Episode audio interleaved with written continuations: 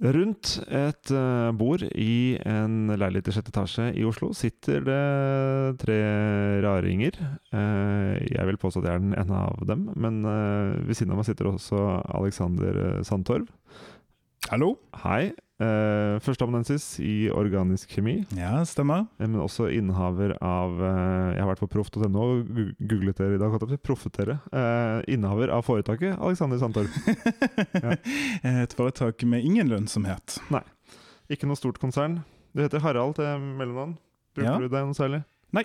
Eh, men Alexander Harald er jo et navn som fordrer eh, en forventning i alle fall om at det er en person som kan noe. Ja. Eh, jeg tror mamma hadde veldig høye ambisjoner når hun satt de navnene der. Men du er en nysgjerrig sjel. Jeg har lytta til noen andre podkaster du Mm. både lager og har vært gjest i. Så, så hun, hun bomma ikke helt, moren din. Nei, og ikke så kongelig da, men nysgjerrig det er jeg. Absolutt. Er du ikke kongelig? Hva er det, hva er det mest kongelige ved deg? Jeg syns det ser veldig bra ut med tiara. Bra. bra. Godt svar. Uh, Inga Strumke sitter eh, på min andre side. Yes. Velkommen tilbake. Mm, da jeg knappet inn eh, ditt navn på proff.no, så dukket det opp en aksjepost eh, i et stort norsk konsern. Du eier 79 aksjer i Equinor. er det riktig? Ja. ja, jeg jobba jo der, det var min første jobb. Ja. Og da fikk jeg beskjed om at man må bli aksjonær. Ja. Og jeg hadde hørt om å være aksjonær. Det er bra. Da kjøpte jeg aksjer for litt av lønna mi hver måned. Og så har jeg ikke solgt dem, Nei. fordi at de har ikke steget i verdi. Så da har jeg lært at man ikke skal selge Du kommer ikke til å selge før uh, før oljekrana stenges Ja. igjen. Og uh, det blir en sånn, sånn vintage-verdi over det hele. Ja, nemlig. Sånn som tiøringene nå eh, selges for tolv øre, kanskje, fordi de er vintage og ikke i bruk lenger. Sånn skal det bli med Equinor-aksjen, bare vent. Ja, den het. Statoil-aksje den, den gang da. Ja. ja. Men du interesserer deg eh, ellers, utenom eh, aksjespekulasjon, så, for eh, maskinlæring, og er postdok postdoc på NTNU fra ganske nylig. Ja, I din andre postdok, da, men denne gangen i kybernetikk. i kybernetikk! Ja. Det skulle du ha sagt til søte lille teoretisk fysikk Inga for noen år siden. Nemlig. Ja, roboter. Ja. Ja, jeg, kan, jeg vet fremdeles ikke hvordan Og din mor som ga deg det, det kongelige navnet Inga. Nei, men, hva, men for de som lytter til dette og ikke helt vet hva ordet kybernetikk betyr, kan du forklare det kort? Hva er kybernetikk for noe? Uh, nei, altså nå har, jeg er jo så vidt på min tredje uke. Okay. Rolig. Eh, nei, men det, det er sånn robot-AI. Så det er roboter som eh, blir eh, intelligent. Så jeg kan litt AI, og nå skal jeg lære meg robot. Og Ja. på andre enden skal det komme ut AI-robot. Nemlig. Ja. Spennende. Mm. Eh, spent på om det har noen inn- innflytelse på hvilke eh, historier eh, hvilken historie du har med hit eh, i dag. For det er jo liksom målet, som vanlig, at vi har med oss hver vår lille fun fact eller historie fra virkeligheten som vi skal prøve å friste de andre og deg som lytter med. Og så forteller vi etter tur. Samme oppskrift som alltid, med andre ord. Så um, Alexander, hva har du med i dag? Ja, eh, bestillingen var jo å gjøre det tabloid. Um, og det kan jeg. Så jeg har bare en overskrift, jeg. En tabloidoverskrift, som er 'Sjokkstudier. Du får lungekreft av gulrot'. Wow, wow, Lungekreft wow. av gulrot. Spennende. Ja. -hmm. Inga? Ja. Universet kan falle fra hverandre når som helst. Oh. For real, yo! Dommedag. Ja, altså, det er story of my life, liksom. ikke bare ditt, det hele. Vi og andre. Og jeg skal følge opp uh, gulroten til uh, Alexander med uh, Jeg har skåret opp litt paprika her, og det skal jeg bruke til å fortelle om trylling for fugler. Hva for noe? Trylling for For fugler. Huh. Hmm. Så hva vil dere høre mer om først? Nei, skal vi bare begynne med den paprikaen, da?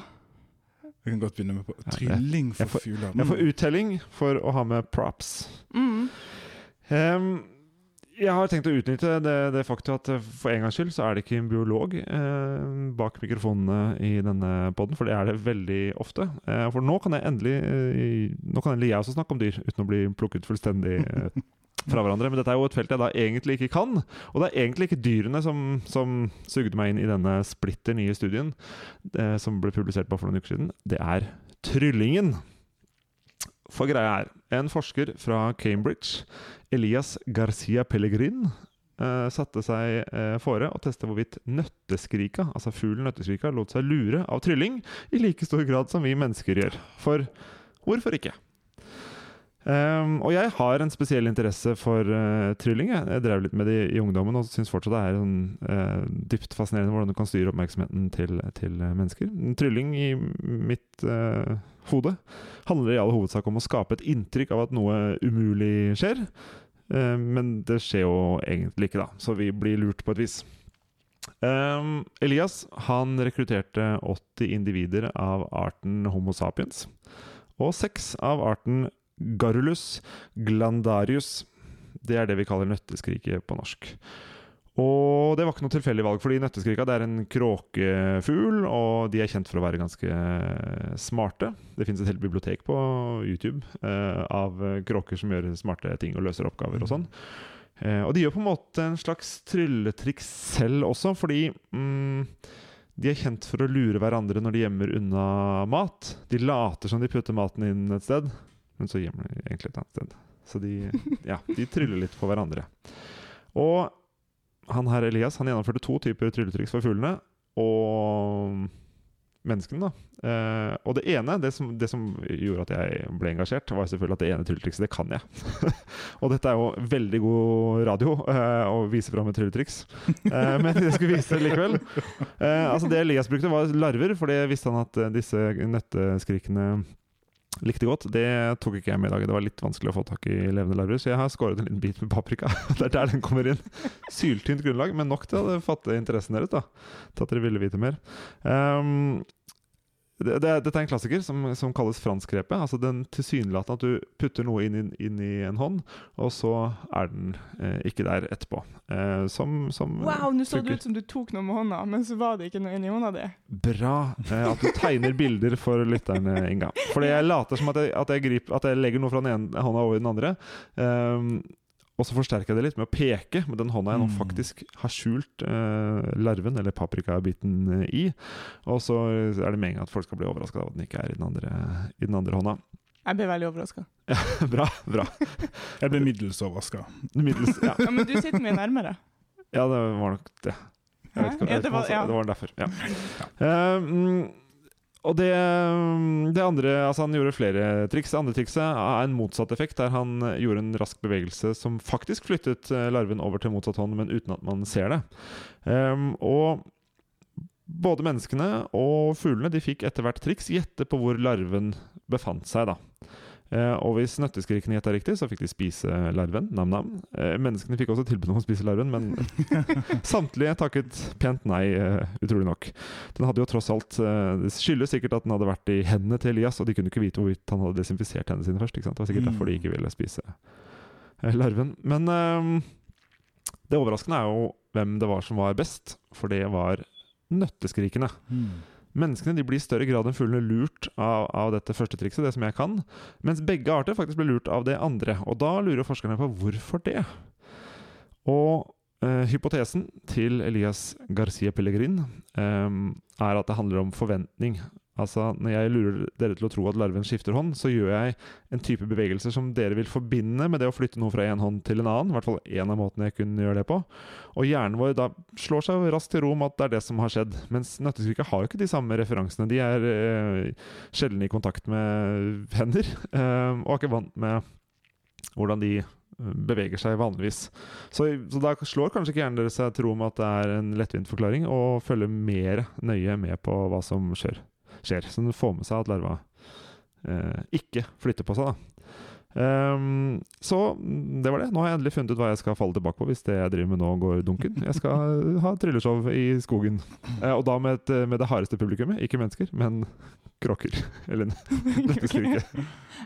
En alternativ hypotese her er jo at larvene har et mye sterkere insentiv til å følge med enn mennesket. så larvene ville jo ha Nei, ikke larvene, unnskyld. Fuglene. Ja. Fuglene ville jo ha larven. Menneskene ja. ville jo ikke ha larven, så kanskje menneskene var litt sånn jeg driter i Så hvis vi skal prøve å replikere, eller kanskje ikke replikere, men gjøre vår versjon av studien, så kunne vi hatt sånne godterilarver. Jeg vet du har lagd pod om smågodt. Ja, ja, det tenkte jeg med en gang. Ja sånn godterilarver til menneskene, og så kunne vi hatt eh, levende larver til uh, nøtteskrika. Da tror jeg det hadde blitt 50-50. Ja. ja. Gøy. Jeg, dette har jeg overraskende lyst til å teste. Jeg må lære meg det andre trikset også. Og så må jeg få tak i åtte, nei, seks nøtteskriker. og så må du trene dem opp til å si hvilken hånd de vil ha. Nei, de bare spiser. Jeg tror de bare De bare, de bare flakser bort til hånda. Ja. Men sånn, altså, jeg er litt sånn metodisk uh, Jeg henger litt fast i det metodiske, for da har vi altså hatt nøtteskrik. Altså, de har bare stått foran den personen. Mm -hmm.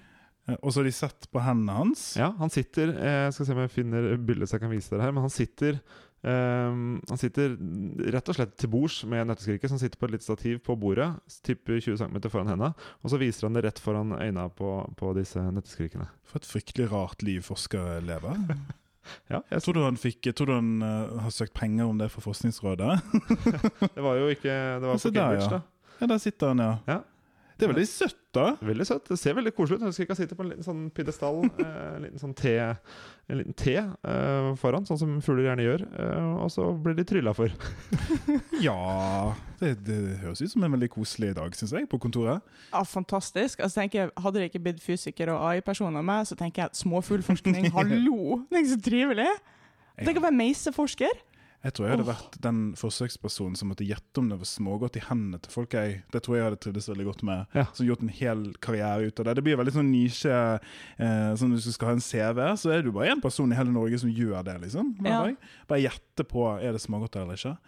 Men er tanken at, at det er noe med, med altså Forventning blir tatt opp på en måte som en av nøkkelhypotesene, men det må vel òg ha noe med på en måte altså hvis disse fuglene er vant til å lure hverandre, ja. så har jo det òg noe med hva slags eh, erfaringsgrunnlag de har. For vi mennesker driver ikke og lurer hverandre med smågodt hele tiden. Gjør vi ikke? Mm, ikke hjemme hos meg, jeg, jeg, må, jeg har vel kanskje stukket noe godteri litt lenger bak i skapet for å sørge for at det forblir der lenger. Ja, men, men, men, jeg går ikke og gjemmer det rundt, rundt, i stua. det gjør jeg ikke.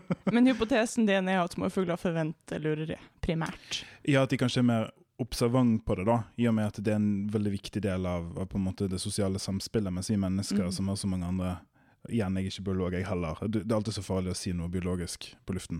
Men, eh, men, at vi mennesker da ikke har en forutsetning nødvendigvis for å bry oss så mye, eller for å være så sensitive for det. Ja.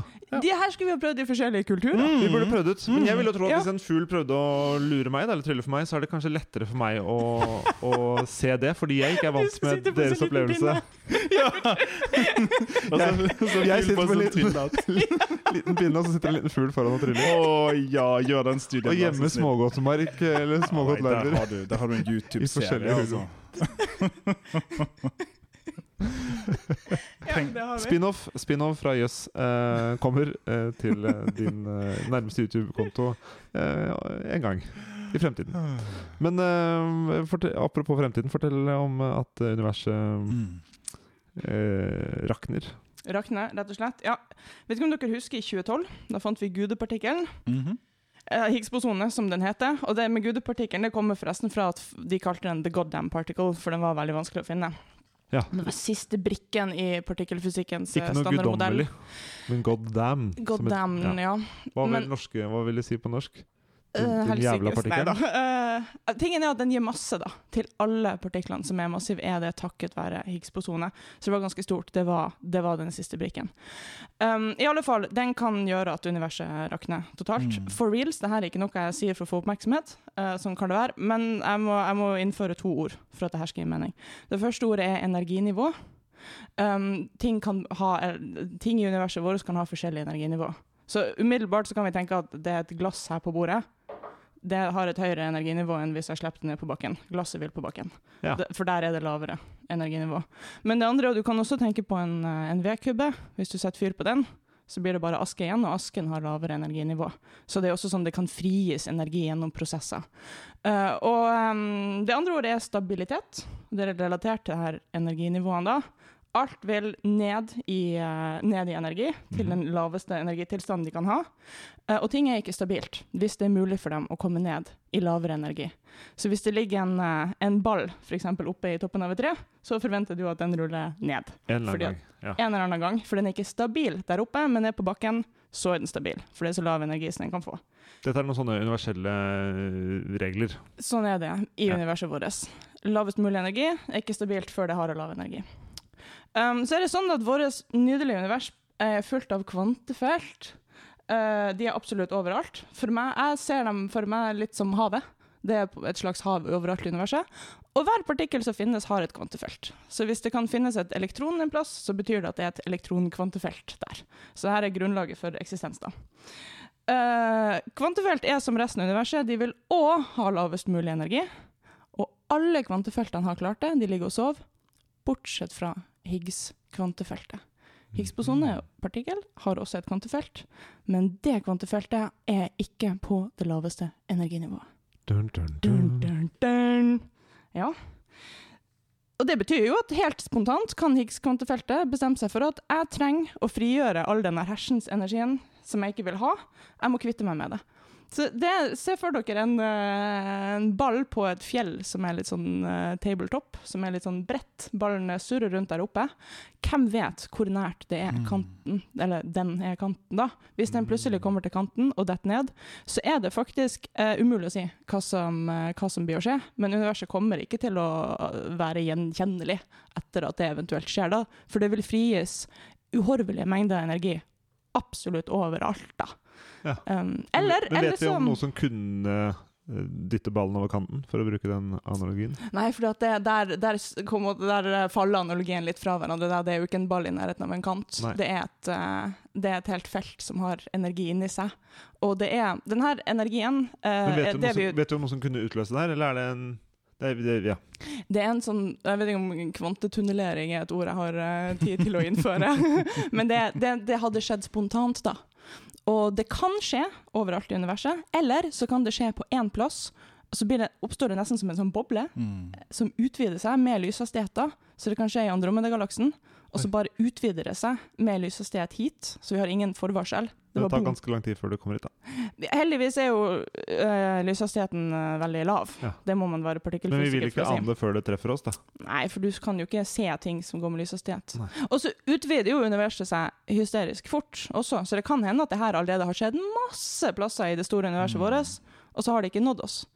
Så kanskje er universet allerede ødelagt på mange, mange, mange plasser. Og kanskje skjer, altså det sånn, kanskje skjer det i morgen. Kanskje skjer det nå straks. Det er det som er så deilig med naturvitenskap. Ja. At du ligger Det er jo litt sånn Schrødingers katt, bare Schrødingers kvantefelt, nesten. Ja. eh, fordi i kjemiverdenen så har jo vi veldig mange analoger, altså kjemi og fysikk, hvor går grensene egentlig? Eh, men, men, vi har jo veldig mange analoger til dette her med, med spontanitet, f.eks. i kjemiske ja. system. da. Ja. Og da er jo det jeg trodde, jeg trodde, faktisk du kom til å snakke om mikroskopiske svarte hull. jeg. Å oh, ja, nei. Det er jo bare så 22. Fordi jeg var på en sånn bender en gang hvor jeg var sykt besatt av verdens ende.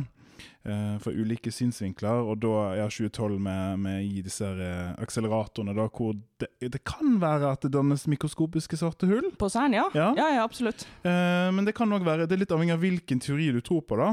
Er ikke det sånn at det, hvis du følger Stephen Hawking, så er det ja Nei, jeg husker ikke helt. Ja, ja, spørsmålet er hvor fort de fordamper. Ja. Fordamper de så fort Nettopp. at de egentlig ikke har fantes? Ja. Og da havner jeg utenfor ja, i et svart hull, da, med alle disse mm. ulike måtene som universet enten er aldeles i stikker eller kan gjøre det når som helst. Og det ligger jo et sånn deilig bakteppe på livene våre. da, fordi at mm. Hvis det er noe du har lyst til å gjøre, så kan du bare gjøre det nå. Fordi at eh, ballen faller kanskje av. Ja. ja. ja. Så det er nok en oppfordring til å gå ut og bare gjøre det. Mm. Hvis du sitter og lurer på det, bare gå og gjør det, for mm. universet kan rakne når som helst. Ja, og hvis det er noen som blir sint for tingene du gjør, så bare send dem til meg. Så tar, så tar jeg det. Send en e-post. ok, det er notert. Takk. Alexander, hva Det blir jo litt vanskelig å følge tryllende uh, kjøttmeis, på å si. Uh, tryllende småfugl og verdens ende. da. Jeg, jeg lå meg på en sånn VG-ting, for jeg syns det er så deilig med sånn tabloidbilder som skal sjokkere så veldig. Uh, så jeg tok med meg Jeg skulle tatt med meg gulrot. Det har jeg ikke gjort. Hadde, altså, hadde du hatt uh, props, så hadde du fått begynne fortellingen. Det tviler jeg på. Men uh, uansett så er nå iallfall overskriften min at det er en sjokkstudie som viser at du får lungekreft og gulrot. Uh, ja. OK, hold pusten. det som vi skal snakke om, er betakaroten. Mm -hmm. Som mange tror Jeg tror den første tingen man forbinder det med, er influensere som tar beta-karoten for å bli brune. Ja. Eh, og beta-karoten er fargestoff i gulrot, så det er det oransje pigmentet da, som fins i gulrot. Og det er ikke usant. Jeg kan få mer farge hvis jeg inntar beta-karoten. Blir du ikke litt sånn oransje, da? Eh, jo, du får noe som ser ut som gulsott. Ja. Så det er ikke Det er sexy. Det er sexy. Det er nice. Du blir altså ikke brun i det hele tatt. Nei. Så der, allerede der Kan faller ikke hele den. forveksles med brunfarge heller. Eh, nei, i litteraturen, og dette er livet mitt, jeg måtte sjekke jeg, hva sier beta-karotenforskerne på brunheten. Karakteriserer de det som en brun, en tenn, eller karakteriserer de det som en gul? Og alle karakteriserer det som gul. Fordi at beta-karoten bygger seg opp under, under, eh, under fettet ditt, rett under huden, Ja. og så blir du altså ikke brun, men gul. Nu vel. Kan jeg spørre deg om noe? Jeg har en venninne som vokste opp i Øst-Tyskland, og hun sa det Oi. at der, ja, før murens fall der hadde, Det her sa hun, jeg bare gjenforteller. Ikke se så strengt på meg, Nei, jeg ser ikke, jeg var nysgjerrig. Det her er lov hvis man sier det med en spørrende undertone. Eh, i alle fall, hun sa det, og de hadde ikke råd eller tilgang til solkrem, så de ga de små ungene masse gulrotjus, for det hjalp mot solbrenthet. Så da sprang det masse sånne uh, gule kids rundt. Men drakk de det, eller smurte de på huden? Nei, de drakk det. De drakk det. Innifra. så ble det litt sånn gul, og så tenkte de at det hjelper mot solbrenthet. Kan du reflektere rundt det her? Avkrefte, bekrefte? For er en veldig rar ting å gjøre og tro. Eh, det fins ingen grunn til at det skal være sånn. Det er en slags forløper til uh, nåtidens influensere på en måte. Det er en, det er en, det er en, det er en oransje tråd der, fra Tyskland til uh, Gul tråd. Ja. uh, ja, nei, det er jo en sånn slags Kanskje de ungene er veldig sånn proto Paradise Hotel på en eller annen måte. Jeg vet ikke, i ånden i alle fall.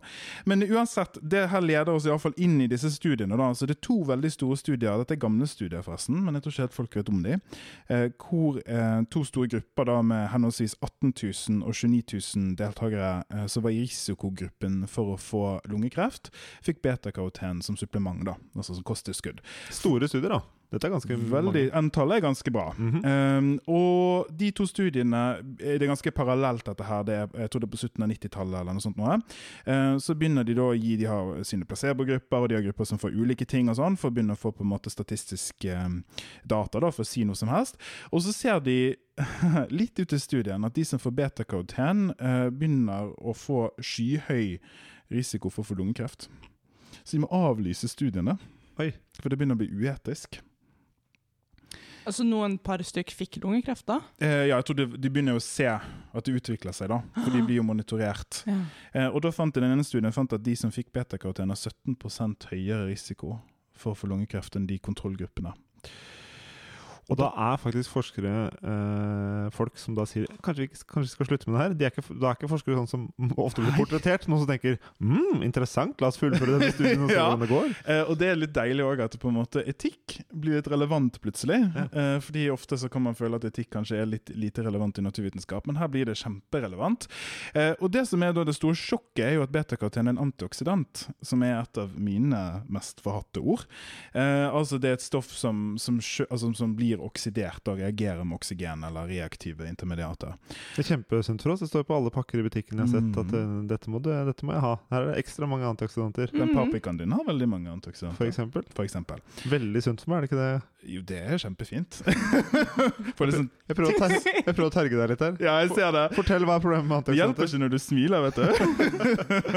Nei, altså Antioksidant, eh, Antioksidantbegrepet for en kjemikers perspektiv er jo fryktelig overforbrukt. eh, og det, jeg syns det er feil informering, da. Ja. Fordi antioksidant tenker vi på som sunt og blåbær og lifestyle og smoothies og sunn livsstil. Og så viser jo studien at kanskje det da ikke er helt sant. Og Det er derfor jeg ville ta det opp, fordi at vi tenker jo automatisk på antioksidanter som noe som er kjempebra for oss.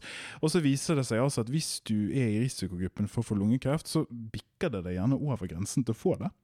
Antioksidanten gjør det? Ja, for beta-karoten er et antioksidant. Ja. Så er det andre ting som heller skulle ha oksidert i kroppen?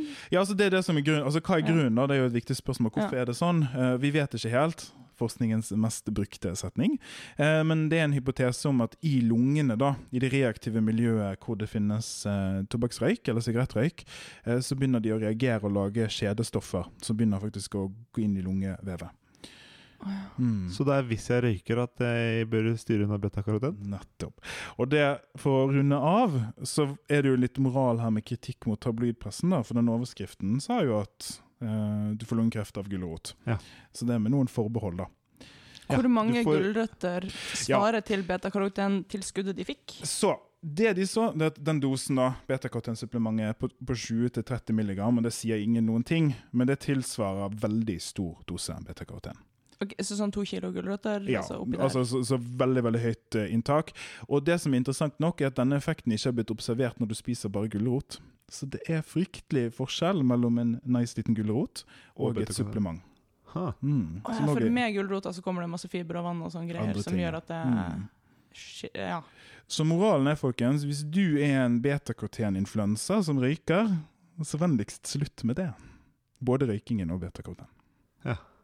Hvis, hvis, du må velge da, mellom eh, nikotin eller antioksidanter, hvilken ville du eh, oh, Det er influensens dilemma, ikke det der? Den vonde situasjonen hvor du må velge. Da, hvis jeg skal anbefale noe, så vil jeg nok slutte å stumpe røyken, tror jeg. Okay. Ja.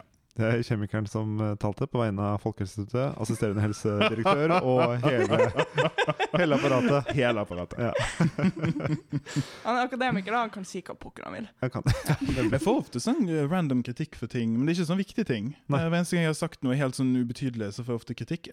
Skille mellom armatur og armering i betong, f.eks. Ja. Det sa jeg feil i en podkast, og da fikk jeg kjempemasse sinte mail. Ja, det må du ikke gjøre. Nei, det var veldig feil. Slutt å si feil, da. Ja, ja, ja, ja slutt å si feil. Ja, ja, ja. Det, folk tror jo det er ofte at bare si riktig, du, så går det bra. Takk for at du kom og var armaturet i denne podkasten. vi er ikke ferdig helt ennå, for vi må kåre hvilken var mest overraskende, hvilken var mest jøss av disse tre historiene. Jeg digger beta-karotenfortellinga. Lett sterke, sterk favoritt uh, fra min side. Samme her. Så da er du Så kult. Da har du ikke noe å si hva du syns. Nei, det Din men, mening Du vinner, men din mening er overflødig. Gå ut og spis antioksidanter. Eh, men så rart at det var lavest i på en måte først interesseverdi, Sant. men steg så radikalt etterpå. Men så um, historien var sterkere enn innsalget, kan dere tro på. Eller ta med propp neste gang. Ta med propp. Takk for at dere kom. Eh, takk til deg som uh, lytter. Eh, lyttes en annen gang. Ha det. Ha det. Ha det.